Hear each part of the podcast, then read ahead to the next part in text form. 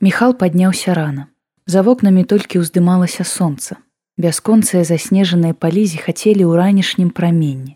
Граф памыўся вадой, што стаяла ў пакоі з вечара. Халодныя кроплі канчаткова прагналі рэшткі сну. Агінскі вырашыў пакуль не спускацца на сняданак і на свежую галаву выкласці на паперу перажыванні учорашняга дня. Балазе паходны набор для пісьма быў у графа заўжды пад рукой. Праз пэўны час Міхал Клеафас Агінскі адклаў пяро і прысыпаў аркушы паперы дробным пяском, каб атрамант хутчэй высах і не пакідаў слядоў на іншых рэчах. Гэта быў ліст да жонкі. Першы ліст напісаны ім пасля доўгай дарогі да дзядзькавага замка. Міхал строс пясок з аркушаў і ўзяўся перачытваць напісанае. Мяне чакала расчараванне, мне дагэтуль горка пра гэта думаць. Тое, чым прывітала мяне родная старонка ўразіла самым непрыемным чынам. Усё, што мы з табой ведалі пра вайну са сталічных газет, не адпавядае і дзясятай долі праўды аб тым, што адбылося тут. Спачатку шлях па рускіх губернях засмучаў мяне. Здавалася, мы будзем ехаць бясконца. Але як толькі мы перасеклі межы краю, у душы маёй пасвятлела. Я адчуў, як бадзёрасць забруілася ў маіх жылах, нібыта паветра радзімы вярнула мяне ў гады маладосці. Апошнія вёрсты ад полацка я загадаў фурману ехаць без перапынкаў. Мы ляцелі цэлы дзень і ўвечары дабраліся да буцлава, дзе змянілі коней. Уночы мы праскочылі вялейку і на світанні я быў у замку. Там мяне ніхто не чакаў.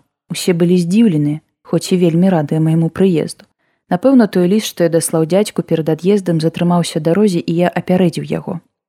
Прыняўшы мяне стомленага і змерзлага, дядзька загадаў слугам распаліць лазню і накрыць на стол. І няхай моя душа імкнулася хутчэй павітацца з роднымі мясцінамі, я з радасцю прыняў дзядзькава запрашэнне. Каб прывітаць мяне, дядзька запрасіў на сняданак усіх насельнікаў замка, у тым ліку пакаёвых і дваровых слуг. Але гэта не так шмат людзей, як можа здавацца. Я сядзеў побач з гаспадаром і старым замкавым кашталянам Юзафам Шыдлоўскім, які дзядзьку служыў спрадвек. Дядька быў у гуморы. Ён не раз падымаў поўны кубак і зычная віват Михаля узносілася да высокай столі замкавай гасцёўні.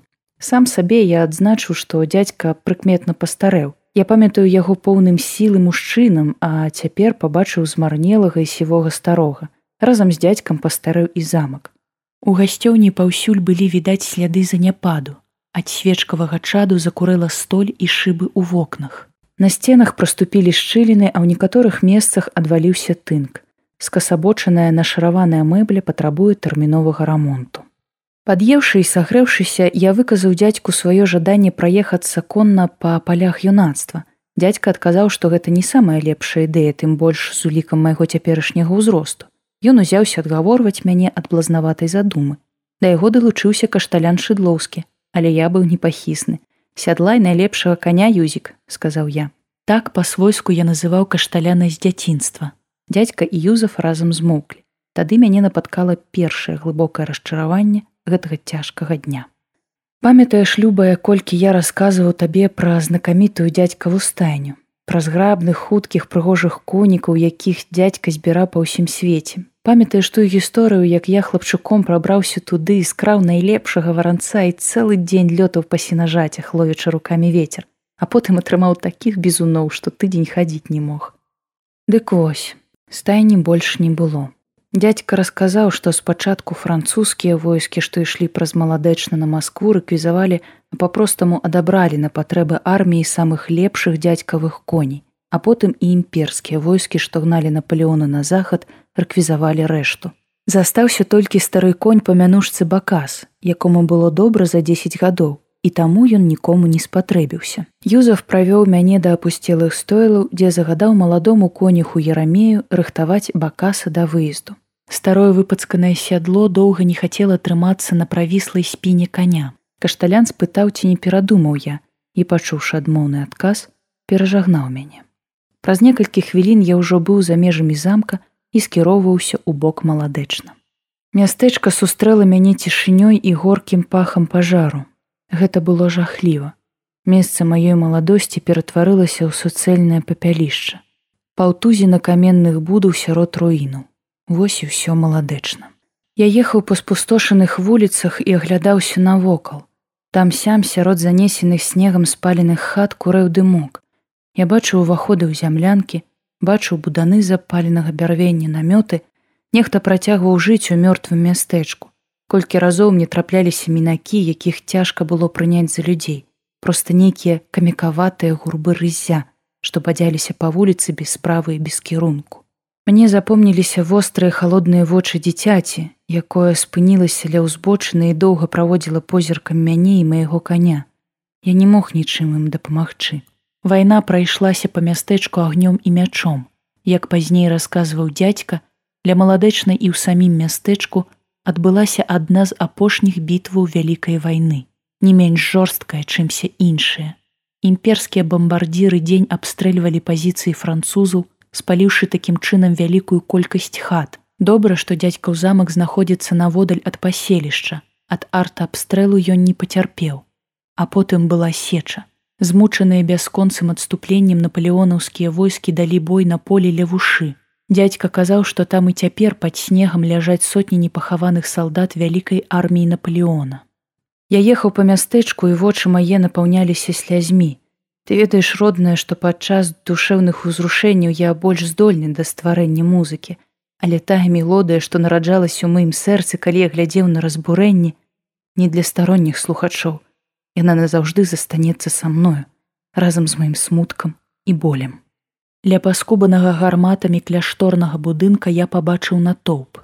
Манахі трынітары, якія заставаліся ў мястэчку на працягу ўсёй вайны, зладзілі там раздачу гарачай полюўкі. Нешматлікія выжылыя местачкоўцы ціснуліся бліжэй да цеплыні вогнішчаў. Гэта быў адзіны светлы прамень сярод цемры расчараванняў. Я рашыў выказаць падзяку манахам за іх самаадданасць ад свайго імя і ад імя імператарскай улады, якую я па вялікім рахунку тут прадстаўляў. Зрэшты, у той момант турбаваць манахаў я не захацеў і пастанавіў здзейсніць сваё рашэнне ў больш афіцыйнай абстаноўцы. Я вярнуўся ў замак засмучаны. Шыдлоўскі дапамог мне выбрацца з сядла і завесці бакаса ў стойла. Я сказаў кшталяну, што не буду абедаць і яшчэ папрасіў не турбаваць мяне некалькі гадзін. Потым падняўся ў свой пакой і доўга праляжаў на ложку без сну і сам насам са сваімі пачуццямі. Спусціўся ў гасцёню я толькі пад вечар, тады калі там ужо рыхтавалі стол да вячэры. За ежай я падзяліўся сваімі ўражаннямі з дзядзькам і нарэшце змог падрабязна распытаць яго пра жыццё падчас вайны. Міхал у задуменні паглядзеў у акно.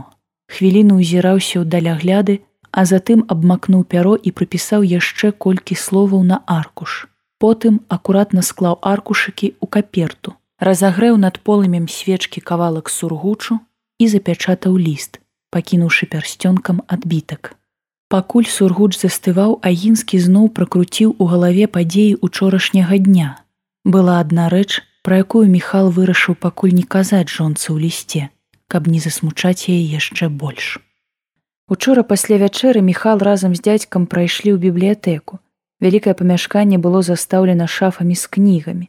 Для супрацьлеглай да ўваходу сцяны было абсталявана месца для чытання і прыватных размоваў. Два глыбокія фатэлі і столік месціліся побач з галандскую печкай, аздобленай кафлі. У каміне ўжо разгараліся паленцы, а на століку быў пакінуты падсвечнік запаленымі вогнікамі. Дядька жэсам паказаў мехалу на стары пашарпаны фатэль, які ў цьмяным святле свечак выглядаў яшчэ больш-менш прыстойна. Міхал пазнаў гэты гарнітур.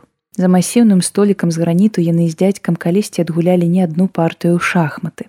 Міхаля, я бачу, што ты ўжо трохі ачуняў ад пабачанага, пачаў дзядзька. Сапраўды наш край зведаў шмат гора.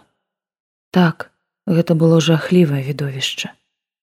Але гэта далёка не ўсе разбурэнні, што дядька на імгненне задумаўся ведаеш михале не хацелася б сёння яшчэ больш вярэдзіць табе душу але скажу як ёсць наша сядзіба ў залесе згарэла як?